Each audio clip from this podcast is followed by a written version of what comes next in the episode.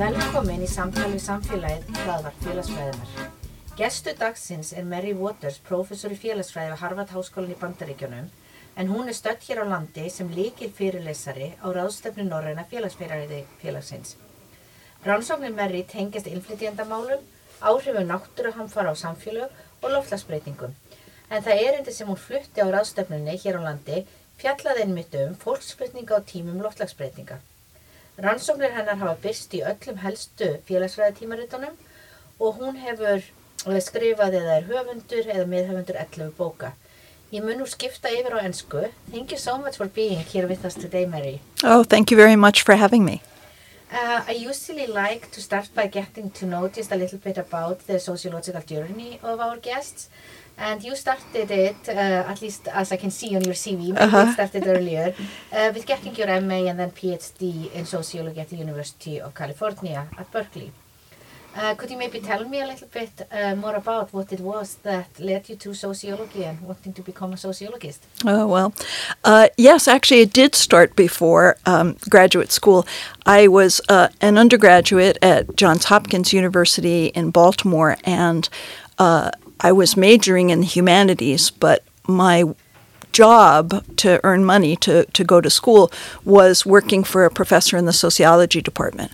So I got to do all kinds of research projects. I worked for him for three years and I learned a lot about how sociological research was done. And then I graduated and I worked in Washington, D.C. for a year doing policy kinds of research. And I thought, wow, the things that put this together are sociology. Mm. so I would like to um, study that. So then I applied to graduate school, but I had only taken one sociology class before I got to graduate school. But had kind of been a sociologist in practice. I, so what kind of work were you doing for the professor? Um, he was studying uh, schools and what and um, uh, how teams working together could um, improve educational outcomes for underprivileged youth. Mm. And so I did everything. Uh, I was working with his graduate students, but I went into schools and helped do the research, and then I coded it for data analysis and ran some um, quantitative analyses on it. And uh, just I was kind of the lowest person on the on the team, so I got to do lots of different kinds of work. And then your uh, route was to California and mm -hmm. to graduate school. What was it like to be there in Berkeley at that time studying sociology, and what were the kind of questions that you were asking? Yeah, it was an interesting time to be there. Um, I, I started graduate school in um, 1979, and so the the student protests had been about 10 years earlier or 10 to 15 years earlier. And so um, it, it was Ronald Reagan's America so it was becoming a lot more conservative but Berkeley was a um, a holdout for uh, kind of more uh, radical values. So the university was filled with a lot of interesting things going on and some protests against apartheid in South Africa and um, and other worldwide kinds of events. So it was a very uh, dramatic place to be, and the sociology department was doing a lot of different and very interesting kinds of research. And then if we sort of get through your long uh, career, and there are so many articles and so many books, so even where to start.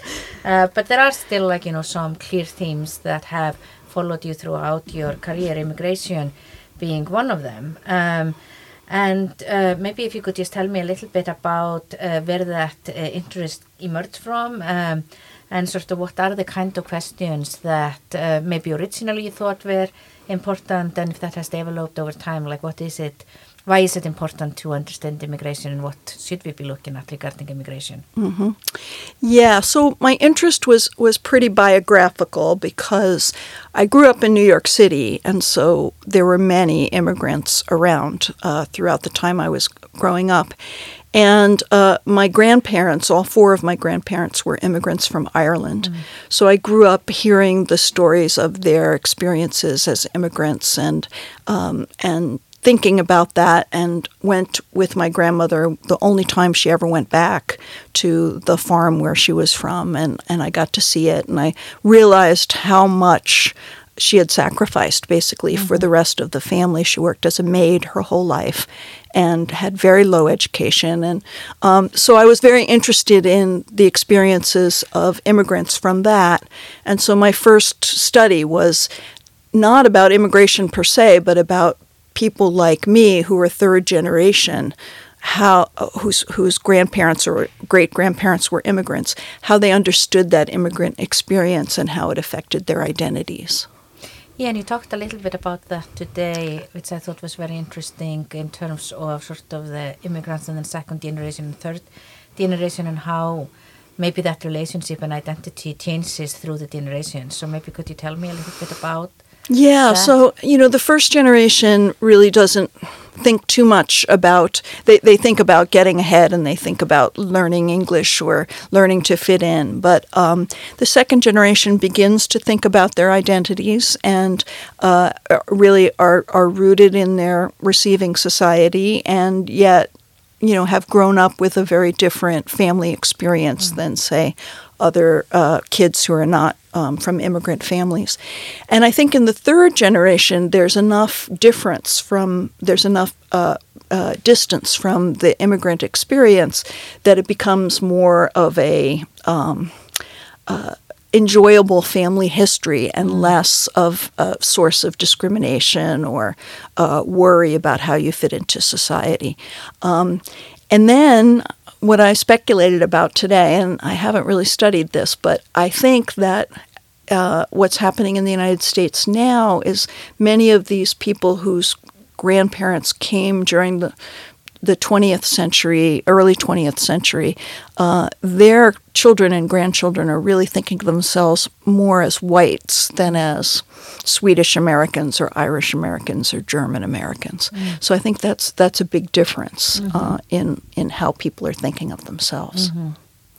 Yeah, and I think sort of one of the major themes in uh, your work and what you're talking about is integration and how people integrate into society and what, like in what way we want them to integrate. They want to be integrated, uh, become more similar, uh, and I think you took some uh, very interesting examples on health and crime uh, today.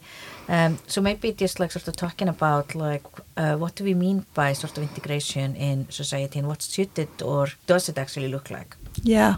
So the way I think about integration is that um, natives who are in the society change because immigrants come. We eat different foods. We um, learn about new ways of doing things. We um, we change sort of who we are as we absorb the new people who are coming in, and the new people don't necessarily set out to change or to integrate. They they have much more practical things they want to do. They want to learn the language so that they can get a better job. They want to get more education so that they can get a higher income. They want to uh, send their children to university and then their un- children go to university, they meet people who are very different, intermarriage happens. So, kind of integration is something that people don't do as a uh, personal goal, but it's kind of a byproduct of living in the society, having equal access to the institutions of the society, and so people begin to integrate. So, what we found in, when we've looked at this is that there's an awful lot of integration going on, and people are are very much, in our case, studying it in the United States.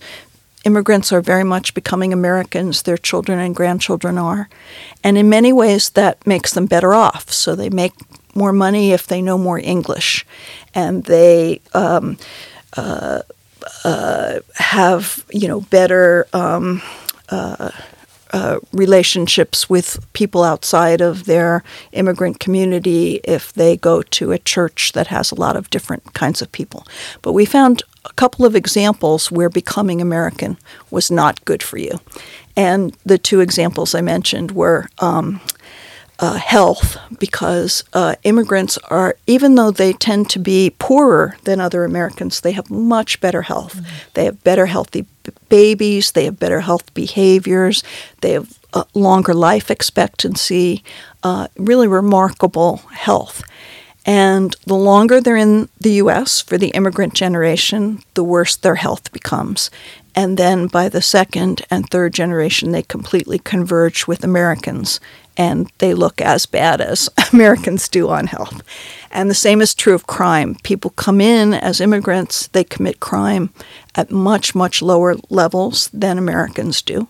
And then by the second generation, the crime rate of of those people come up, and by the third generation, they're indistinguishable with other Americans. So, integration in general is good for you. A couple of examples you'd probably not want to integrate. so, in some ways, this is a little bit uh, different from the picture that maybe is often painted in the media and maybe by particular politicians. So how do you sort of make sense of that? Well, yeah, the crime example is uh, mm-hmm. a very good example, yeah. right? Immigrants are scapegoated and accused of crimes.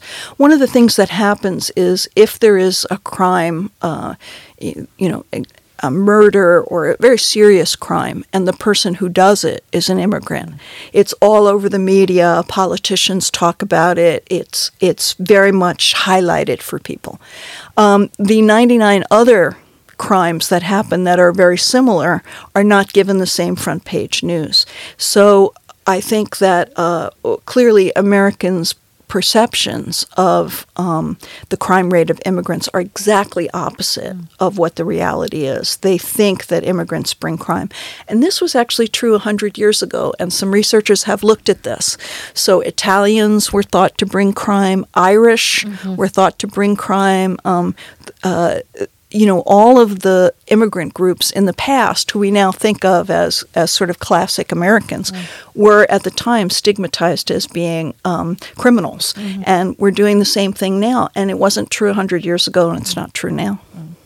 Yeah, it's very interesting. And actually, uh, one of my graduate students at uh, BU, he did his dissertation on health disparities and how it's changed over time in terms of how racial categories are changing. So he has looked at sort of in some ways like I think he was talking about when disparities were wide. Mm-hmm. and you're seeing some of the um, cartoons or other things like Irish do not need to apply and like very mm-hmm. much this kind of a notion that like you know today we would see like you know with different kind of racial categories. But at that time like the irish the italians i mean they were the others. Right. They were socially constructed as like the others. And that had an impact on their health outcomes at the time. Mm-hmm. yes yeah um, yes it seems like we're always looking for somebody who is somehow different to mm-hmm. blame for our problems when in fact we're the we're to blame for some of our problems And um, I think one of the things that um, I also think is really interesting and you have addressed in your work, um,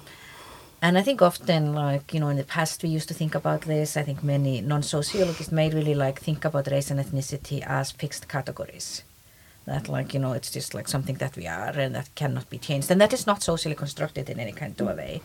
Um, and you have really like you know thought about this and think about the measurement and the meaning of racial and ethnic identity. Can you tell me a little bit about this and sort of your thoughts on like how do we measure? What does it mean? Mm-hmm.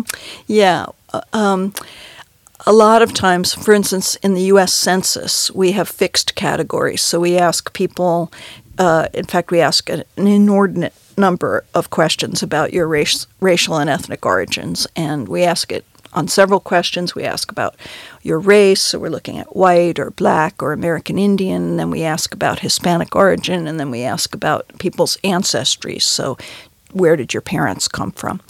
And um, we generally, up until um, 1990, we didn't allow people to um, uh, ch- check more than one box. So if your mother was white and your father was black, you had to choose. Mm-hmm. Um, and uh, if you didn't choose, the government would choose for you, and they would always choose black because that is the racial minority. And so gradually this has been changing, but what what we know as sociologists and what I've learned from talking to people is that surveys are very bad at capturing identity because people um, uh, don't necessarily think of themselves always in one category or another. So, what people would tell you is, well, if I'm with my friends who are French, then I might mention that I have a French grandmother. But if I'm with my Italian friends, I'll mention that I have an Italian grandmother. Mm-hmm. So it's very context specific. People have lots of um, different categories in their heritages, and also the meaning of what the identity means changes over time. So it may not be salient to people anymore to say that they're Italian. They might just think of themselves as white. Mm. Um, so all of those things are not easily captured in a survey. So what I like to do is to to do both surveys and qualitative research and mm-hmm. have them um, interact and, and inform one another about what the categories should be and how we should interpret what people are meaning when they're answering those categories. Mm. And I think we've maybe uh, sort of touched on some of the findings from this, but uh, one of the projects that you did relatively recently was on the integration of immigrants in the US. Mm-hmm. Um, so could you maybe tell me a little bit about sort of how that came about and what was the purpose of it and uh, sort of the key findings from mm-hmm. that? Yes. So uh, there's a, an organization called the National Academy of Sciences in the U.S., and it was formed uh, uh, back in by President Lincoln in the uh, 1860s. And the idea was to have independent scientific advice for the um, government. So uh, whenever the government, uh, and that can be the president or the Congress or uh, a different division of the um, of the executive office, so the Office of Veterans Affairs or something like that, whenever they have a question, um, they'll ask the national academies to put together a panel of independent scientists. And it's they stress very much that um, when you first go in, you have to talk about your political thinking about a topic. So for immigration, for instance, we all had to kind of say what we thought about it. And what they do is they put together a, a group of scientists from different backgrounds, uh, different um, social science uh, or natural science backgrounds, to answer a question. So the question we got, which was from the immigration uh, authorities uh, in the U.S., was Are immigrants integrating mm. into American society? Which was a very big question. Yes. and like, how you address that? Yeah. And uh, so uh, I chaired the, the panel, and we had um, 18 um, uh, scientists, uh, social scientists from lots of different uh, backgrounds geography, economics, um, sociology, um, psychology, uh, and um, we addressed the question over a study uh, of a couple of years. And we gathered data on all of the different ways you could measure integration. So, uh, attitudes uh, towards things like abortion, uh, religious participation, education, occupational distributions, uh, incomes, um, uh, uh, where people live, whether they intermarried, all of these questions. And we gathered all of these data. And what we found um, was that immigrants were integrating more quickly than they had 100 years earlier. So uh, if you measure it in the immigrant's lifetime, if you measure the number of years, say they've been in the U.S., so uh, a Mexican American person who'd been in the U.S. for 20 years, their wage growth over that 20 years uh, is is pretty impressive. Mm. And so people are moving into better jobs the longer they're here. And then when you look intergenerationally, the children of immigrants, many of whom come in very poor with very low education, very low incomes, their children are really uh, doing well and, and uh, moving very quickly uh, uh into better jobs and, and better uh, outcomes for them and their family. We, we really found um, uh, one big exception, which is there's about 11 million people in the United States who don't have legal status, who are undocumented. And those uh, people uh, have much less. It's a, actually a failed integration policy mm-hmm. for them because the government is trying to keep them from integrating. So you're not legally supposed to work, but in fact they're still working, but they're making less money. So they're both integrating, but kind of failing at integrating mm. because they're not having the same kind of success as other immigrants. But in general, the the committee we wrote a report that's you know many hundreds of pages. Uh, but the upshot of it was that we were surprised because immigrants are coming from uh, backgrounds where they're not considered white in the U.S. They're black or Hispanic or Asian. There's a lot of racial discrimination. Um, and, and you can see that in the data, but it really is not keeping immigrants from becoming very American over time and, and converging with native born Americans, sometimes surpassing them. And I think, I mean, in some ways, and we were talking about categories and other things, but um, I mean, I think, like, you know, I mean, we know that, like, not all immigrants are the same. And right. I think the notion of, like, this importance of documented and undocumented is really important. And what do you sort of see as the reasons for, like, why they continue to be undocumented and why we don't, don't want to integrate them into society and also sort of thinking about like not all immigrants are the same. So some may be more welcome into uh, society uh, based on like you know what country they come from, mm -hmm. their race or ethnicity, the circumstances until which they immigrate. So maybe if you could speak a little bit about those two yeah, issues. Yes. So um, yeah, people come with lots of different.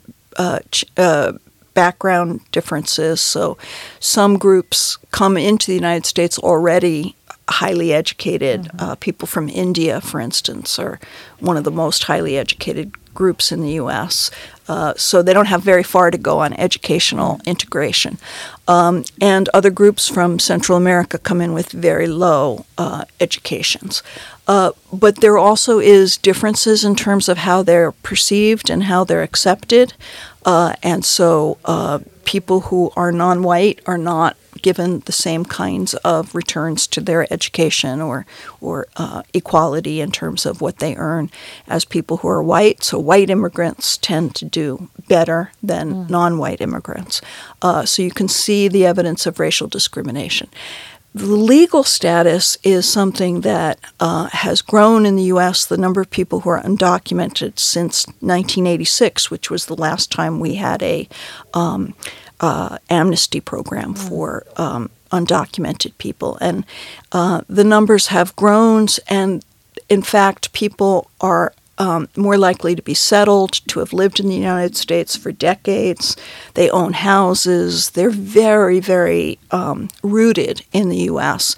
And most Americans don't at all support deporting them or uh, continuing to treat them separately and would like a path for them to become legal. And uh, the the way our politics has been working lately is really dysfunctional because if you look at uh, American attitudes towards immigration, it's a small minority who are really vocally against undocumented immigrants, um, and yet they are the base of the Republican Party, and there's a lot of um, uh, impetus for Republican uh, candidates, even if they themselves support legalization, mm. to not come out for that and not vote for it. So uh, the votes um, are there are there if you look at Americans in general and what they want. It's an extremely popular idea to give a path to legalization, and yet we can't get it past our Congress. Mm. So it's it's terrible because so many people's lives are are hanging in the balance. Mm. Yeah, and including some who have never lived anywhere outside of the U.S. Right, people who came as babies, mm. uh, the the dreamers, or yeah. what they're called, and you know, eighty percent of Americans think that they should not mm. be deported, and yet they can't get an agreement through Congress for mm. it. So it's uh, it's it's very um, upsetting. Yeah, and I want to sort of come back to that later, talking about sort of policy, public attitudes, and mm-hmm. uh, science. But I want to move a little bit to maybe the part of your research that may be sort of of particular interest to the Icelanders. Uh-huh. Uh, and uh, living here in a country with earthquakes and volcanoes and avalanches and you pretty much name it if there is a natural disaster we have it regularly. Um, and some of the work that you've done is really looking at the impact of disasters. Um, and I think one of the things um, that I do sort of want to address and I think it's both with disasters I think it's with climate change is that like we really see well those are natural disasters they are not like within our domain. Like so what is it uh, sort of about disasters that makes them uh, socially and sociologically interesting? Um, and maybe here particularly thinking about your work on Katrina. Mhm. like why should we like what do we have to contribute as sociologists to understanding that? And why is it sociologically interesting? Mm. Yeah, uh, I, think, uh, and other sociologists have said this as well. Disasters strip bare um, uh, this sort of veneer of civilization and and lay bare some of the inequalities and some of the contradictions and also some of the strengths of a society. So when a disaster hits, uh, it it brings into focus the inequalities, the um, the ways in which communities can come together or or fight. Uh, you know, it, it really shows kind of underlying social principles. Um, and so it's a strategic moment to understand your society. Like, how do you plan for and how do you respond to it? A disaster tells you a lot about who's valued in your society, how well you work together, how well you your leadership works to work with the people in the society to uh, cope with disasters. And I think Katrina is um, sort of a very interesting example of that. And I think it's hard for many Icelanders to completely understand that because we are very used to if there is a disaster somewhere in Iceland, I mean, the first thing is always we have to go and save all of the people. Like, we don't ask about, like, how much is a plane going to cost if we can send it to save people. And that was very different in Katrina. So, could you maybe just you know, give us a little bit of a picture of like what were the first days uh, in the U.S. Uh, like uh, after Katrina, and then also relating it back to what the government was doing, and maybe also sort of the public image of like what was really going on. Yeah. So so Katrina was a, a large hurricane that hit the Gulf co- Coast in 2005. And for days before it was coming, it, it was on the television. They were warning this is a m- monster storm. You better be ready. And yet there was a failure of planning. And um, I think this speaks actually to to climate change because people were looking backwards and saying, "I've run, I've, I've stayed at home through hurricanes and nothing bad has happened. I'm not going to evacuate." So a lot of individuals made those kinds of decisions, and in fact, it was a, a very bad tragedy. Um, and so there was no real planning for any uh, evacuation of the city that was done by the government. So individuals decided to leave or not, individual families. And anybody who did not have access to a car, uh, they had shut down the airport and they had shut down the bus service. So people could not leave. Um, and then many people uh, stayed to take care of elderly relatives or sick people or their pets. They couldn't leave their pet behind, and so they decided to stay uh, with their, their dog or their cat. And uh, the whole um, city was uh, underwater because the, the storm hit and then the levees failed. And so uh, there was a flood that was uh, tens of miles wide, 20 feet deep in some places. And uh, New Orleans is um, uh, below sea level. So once it flooded, there was no way they had to manually pump it out. So for weeks, the city was uninhabitable. But in the first few days, it was terrible because people were left on their own.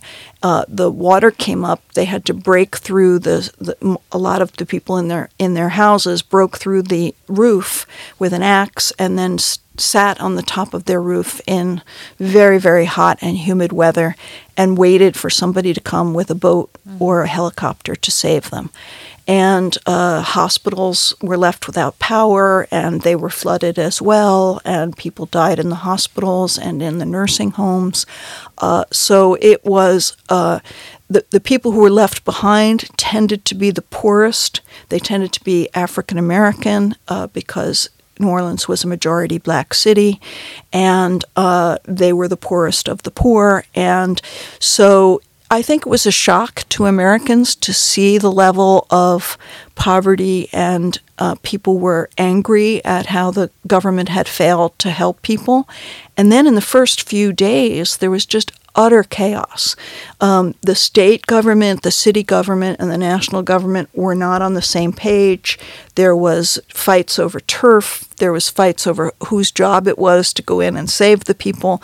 Uh, many people actually, um, many just individuals who had boats who lived somewhere near there, or people actually drove with trucks full of mm. uh, clothing or, or food or water for people. So people did try to help, but it was so badly disorganized that it uh, it really was a tragedy upon a tragedy. There was the natural disaster, and then there was the disaster of the lack of response and the lack of planning. And I think in some ways, I mean, it does really illustrate the sociological perspective very powerfully in terms of this notion as you took, it's like left to individuals to make decisions. Mm-hmm. And then we often think about like, well, as individuals, we all have the same capabilities of making the same decisions. But I think this really showed us like, no, that's not the case. Like, right. we, we know as sociologists, some have way more resources and way more opportunities to leave. And even just talking about some people choosing not to leave, which was a part of the discourse, really doesn't make any sense. And then I think it also tells us something really profound about racial inequality and what kind of lives are valued. Mm-hmm. That's right. And and uh, in the aftermath, there was a you know twenty four seven media coverage, and they talked about people looting stores, mm. and these were people who were left in the city that was flooded. They were they were getting diapers for their children, yet they were stigmatized as criminals mm. who were stealing from the grocery store instead of, uh, uh, and in fact, uh, you know, they, they were just um, uh, really dehumanized in how we talked about them. And also, um, a lot of politicians and media commentaries blamed people, saying, well, why didn't they leave? Mm-hmm. Well, of course, they couldn't leave. They didn't have a car. There wasn't a mandatory evacuation order. There was no help from the government to get people to leave. Uh, so blaming it on individuals was, was very cruel, I think. And sort of related to this, now that we have the context, uh, you've been a part of a study uh, that I thought was really fascinating that you were talking about the resilience of survivors of Katrina study. Um, and I think one of the things that was really fascinating about this is the longitudinal uh, element that you have, both like having data actually before the disaster happened, which is obviously very, very unusual that we right. have, and then also uh, following over a long period of time. Uh, could you maybe start by just telling me a little bit about like the study, the design, and uh, what you were doing? Yeah, so it it was a real serendipity. I was uh, part of a group of, of scholars who were um, advising some economists who were doing a study of what what kept people in college and ha- kept them from from dropping out of college. So they were doing experiments in um, a, a, number of different cities in the U.S. One of which was New Orleans. And one of the, the concerns of the of the scholars who had been working on it was whether education improved health. So at the baseline survey, which was done in 2004, uh, they had asked a lot of questions about physical health and mental health.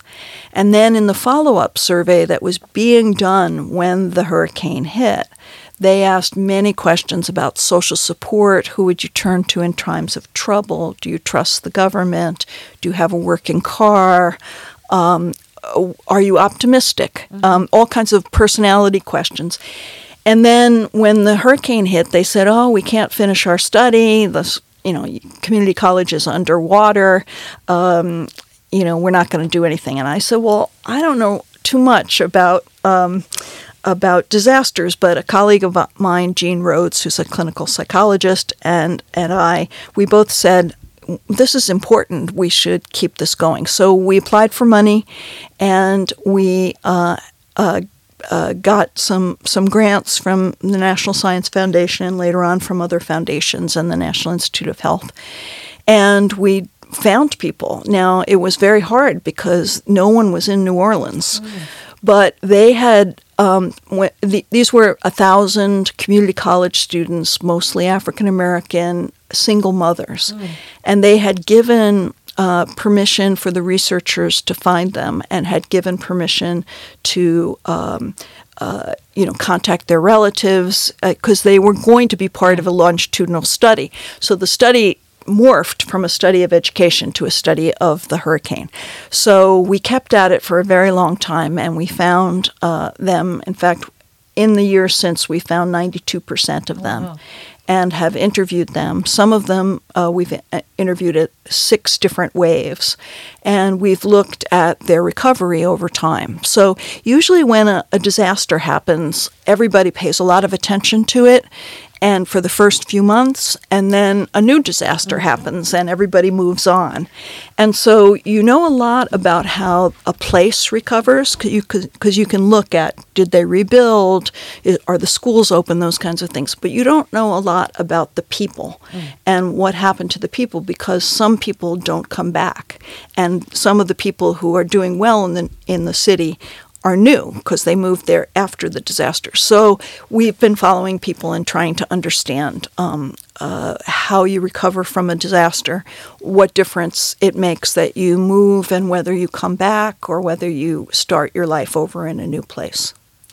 What are the key findings? I know that like you know probably have like 800 different findings you could talk about, but Yeah. just like what are the, what do you consider some of the most important things that you have found? Some of the most important things have been that um, your your physical and your psychological health before the disaster makes you if if you're not as healthy as as you could be if you have any um, health issues uh, it makes you more um, uh, susceptible to having damage both to your physical health and to your mental health from the disaster. So if you have asthma, you have more more asthma attacks, you have more lung uh, issues after the disaster. If you were depressed before the disaster, you might have more PTSD, uh, post traumatic stress disorder, after uh, the disaster. So, one key finding is that we need to target help to people who have um, health issues. Um, and uh, that could make a big difference um, in terms of uh, not only evacuating people uh, with health issues, but also um, uh, providing rapid um, uh, psychological and physical help to people. So, one of the things that predicted bad health even five to ten years later was not having access to your medicines right after um, uh, the storm um, and not knowing if your family members were safe. So, those kinds of things, if we could prevent the trauma from happening in the beginning, we'd have m- less problems over time. The other thing that, that comes out is that people aren't very good at predicting what their future selves will um, will want or will um, enjoy or experience. So um, some people really thought they would never leave New Orleans and that leaving New Orleans would make them miserable and unhappy. And and some found actually that leaving was the best thing they could do. That their children were in better schools. That they were um, in a better community. And some really readjusted and said, "I don't know what I was thinking before, and now I'm I'm happier." Others really um, uh, are unhappy both not being in New Orleans or some who came back to New Orleans found it changed so much that they're not as happy coming back. So I think um, helping people to uh, m- make uh, uh, decisions not only for themselves, but in a sense of a community. So, is your community coming back? And if so, or is, is your community relocating? So, some churches relocated to Houston, and the pastor basically said, I'm going to set up a new church in Houston. That immediately gave people some community that they could uh, interact with and that they could count on. And that made a big difference to them. So, I think our our policies were very much targeted at individuals. This is another real sociological insight, but that people live in communities and that's that's what they miss after a disaster. They miss their neighbors and their family that live nearby. And it's not necessarily the place. And if the place is dangerous, we might not want to go back to that place. But we certainly don't want to leave people individually making those decisions when what they really want is to create the recreate the community they had in the place that they called home. And you also had some uh, relations to the role of religion in people's life and how they sort of, and I really did like uh, when you talked about, you know, and I think I would be the same way, you're like, you know, I've lost everything, I'm really pissed at God. Uh huh. But that's not really what you found. Yeah, that's what I had imagined. Yeah. That if if uh, if if I lost everything, I would be very angry at God for sending the hurricane.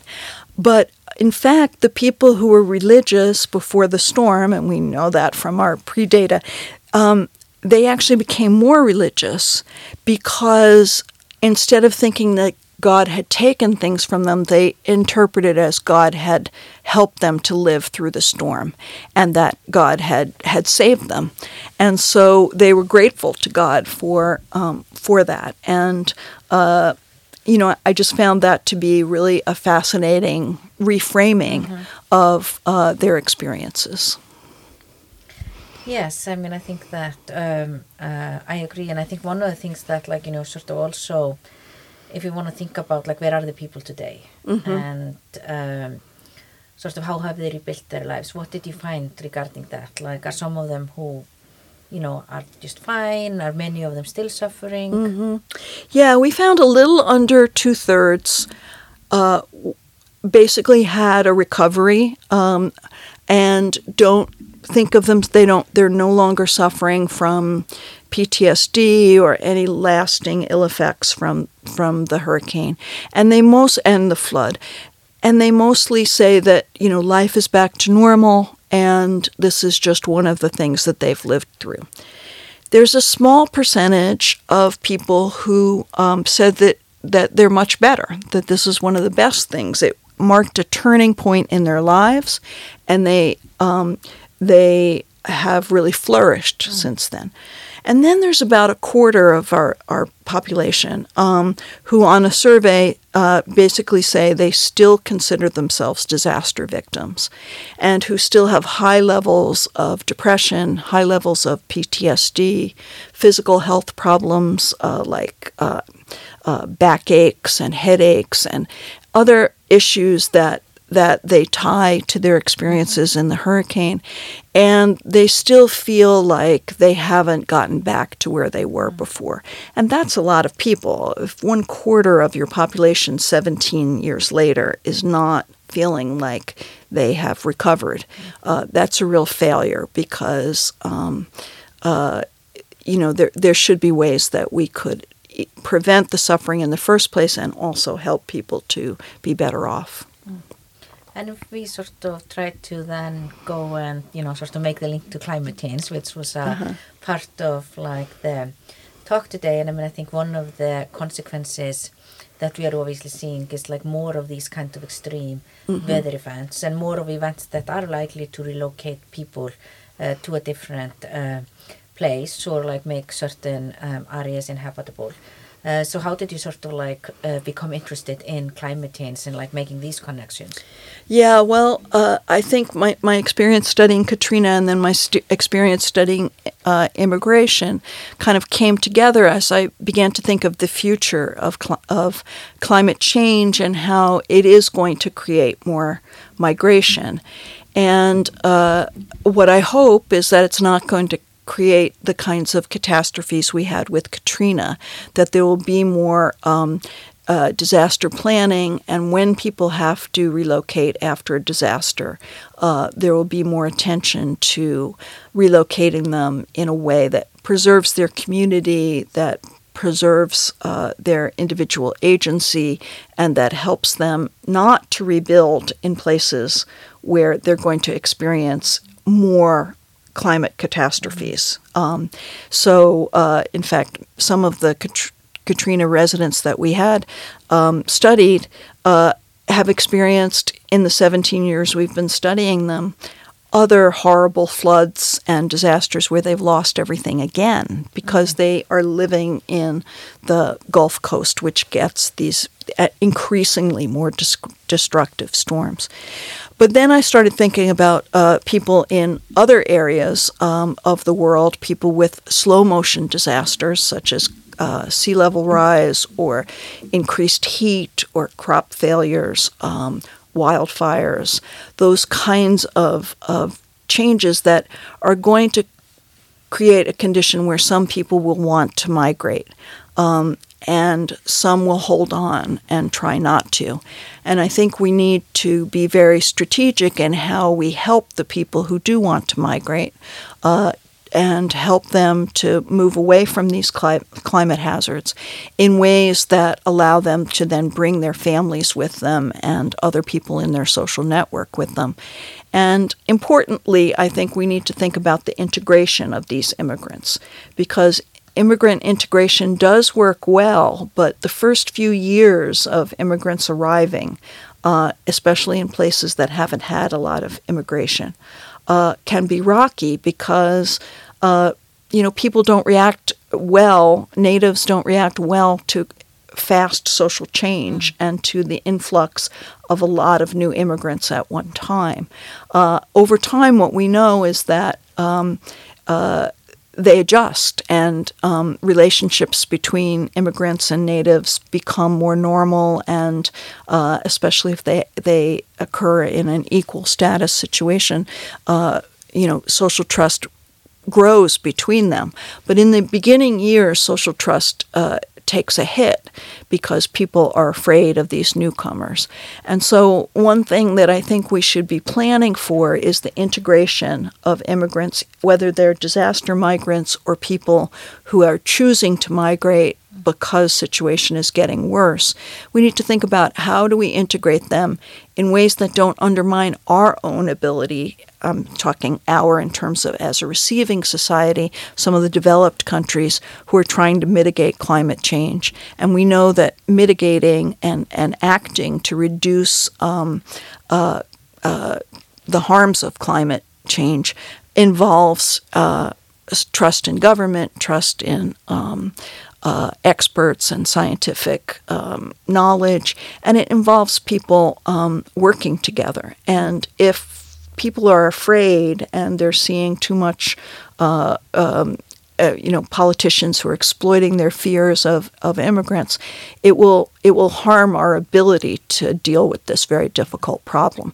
So I think we need to think about how to integrate um, climate. Uh, uh, migrants as well as sort of who to let in, but we need to think more long term about this. And I think an interesting sort of link that you uh, raised there with like those two issues that maybe more so in the US than in Iceland are contested both in terms of not believing in climate change as well as just thinking immigrants are the worst thing to happen to society and how that really relates to the political development that we have seen you know, I think across the world. I mean, I think in many mm-hmm. ways Donald Trump sort of becomes maybe like the picture that we get in our head that mm-hmm. we think about politicians that are like this. But certainly, this is not a unique development to the U.S. So maybe if you could talk a little bit about sort of how you see like this particular way of right-wing politics mm-hmm. playing into those issues, into these fears, and with what consequences. Yeah, I, I do think that this is something that's happening in, in many countries, and I see it most clearly in my own with um, this. Uh, you know, people are afraid about um, uh, changes in the society. We've had this growth in inequality. Um, that has been just very dramatic. And so people are worried about the futures of their children. And uh, it's easy to blame this on immigrants. And along come politicians such as Trump who say it's the immigrants who are taking your jobs, it's the immigrants who are creating crime. And so I think that that takes people's fears and um, and some racism and really exemplifies it and, and amplifies it. And um, and that uh, you could see that happening in with the Brexit um, uh, debacle in, in Britain, where um, uh, people's fears of immigrants were really mobilized um, in a way that they didn't then think about uh, well, the inequality that was happening in their own society and who was to blame for that. And it's certainly not the immigrants who are making them poorer, it's mm-hmm. the people who are getting richer in their societies, and the same in, in the U.S. So I think there's a real danger that right wing politicians have been um, exploiting the fears that come with social change and the injustice that people feel that's very inchoate and not not very well understood, but that somehow their future their future doesn't look as bright as they would hope it would, or their children's future, and really channeling that into both a, fear of immigrants, but also uh, I think it's been very strategically uh, manipulated to be uh, also a, a um, resentment of science and experts and a fear that uh, clim- you know, anti-climate um, or that climate change mitigation is going to take away their jobs or take away their futures or the few things that they love, like their cars or their um, large, very large cars. So those kinds of, of fears, I think, are coming together in many ways and uh, fueling right wing politics both in the U.S. and other countries around the world. And I think that's a real danger that um, uh, we see this, um, and uh, it's it's a danger that um, politically, I think we have to uh, dispel some of the the falsehoods about immigration and about climate change that are being spread. And then maybe the obvious question is how do we do that? Then I mean I mm. think one of the things that you sort of return to throughout your talk is thinking about this relationship between the sciences, between research, and then sort of policy and understanding the public and how we actually like transfer some of our research finding into actually mattering for improving our community, um, integrating, like helping people to integrate into new communities and like various other things. Um, so how do you sort of like think about like this as being feasible and how is it possible to like i mean you have a very strong voice in politics that are like saying all of those things mm-hmm. like how mm-hmm. can we as scientists come back and be mm-hmm. like really mm. it's not like this and yeah. including like what you were saying with 80% of the american population who like you know support uh, a path to legalization like mm-hmm. how do we not have that as a reality and what can we sort of do to help that along.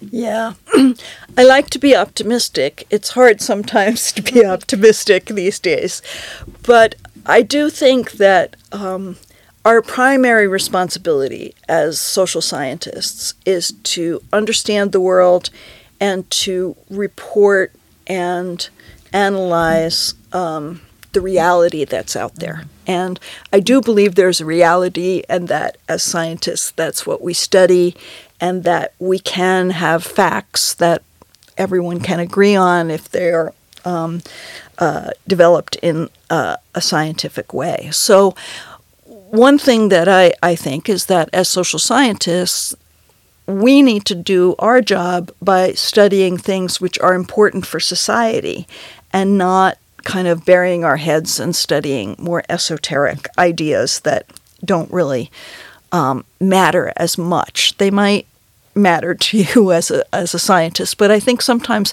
we're we're taught to just be too small in the, the the topics we take on and we don't we don't address kind of the things that our societies need us to address. So I think that's one of our responsibilities. I also think we need to do a good job at at translating our findings. Sometimes we get so um, caught up in our uh, our own jargon and our own way of uh, communicating with other scholars that we don't translate what we found into uh, ordinary language for people. Uh, and I, I do think we have a responsibility to try to write for broader audiences and talk to people in broader audiences. I went around the country talking on radio programs and to uh, small community groups mm-hmm. about our integration findings. And people were uh, surprised, especially if they had been consuming more right wing news. They, they were, uh, you know, very sometimes resistant, but but I think sometimes very open to hearing a different perspective. And I, I think we have to continue to try to do that. But then I also think as citizens we need to work to change our politics in a way that reflects better uh, democracy and, and what the majority of people think, um, and not let uh, um, you know right wing politicians and and um, rich corporations uh, dictate what we think. Yes, I think those are uh, great uh, last words for the podcast and sort of a call to the future of what we should be doing. And I really do like the both thinking about us as citizens as well as scientists and how those roles are complementary, but in some ways like different. Yes, So yeah. thank you so much for uh, being here with me today on the podcast, as well as just being in Iceland. Oh, thank you for, for inviting me. I'm really enjoying my, my visit and hope to see more of the country while I'm here. Yeah, definitely. Thank you so much. Thank you.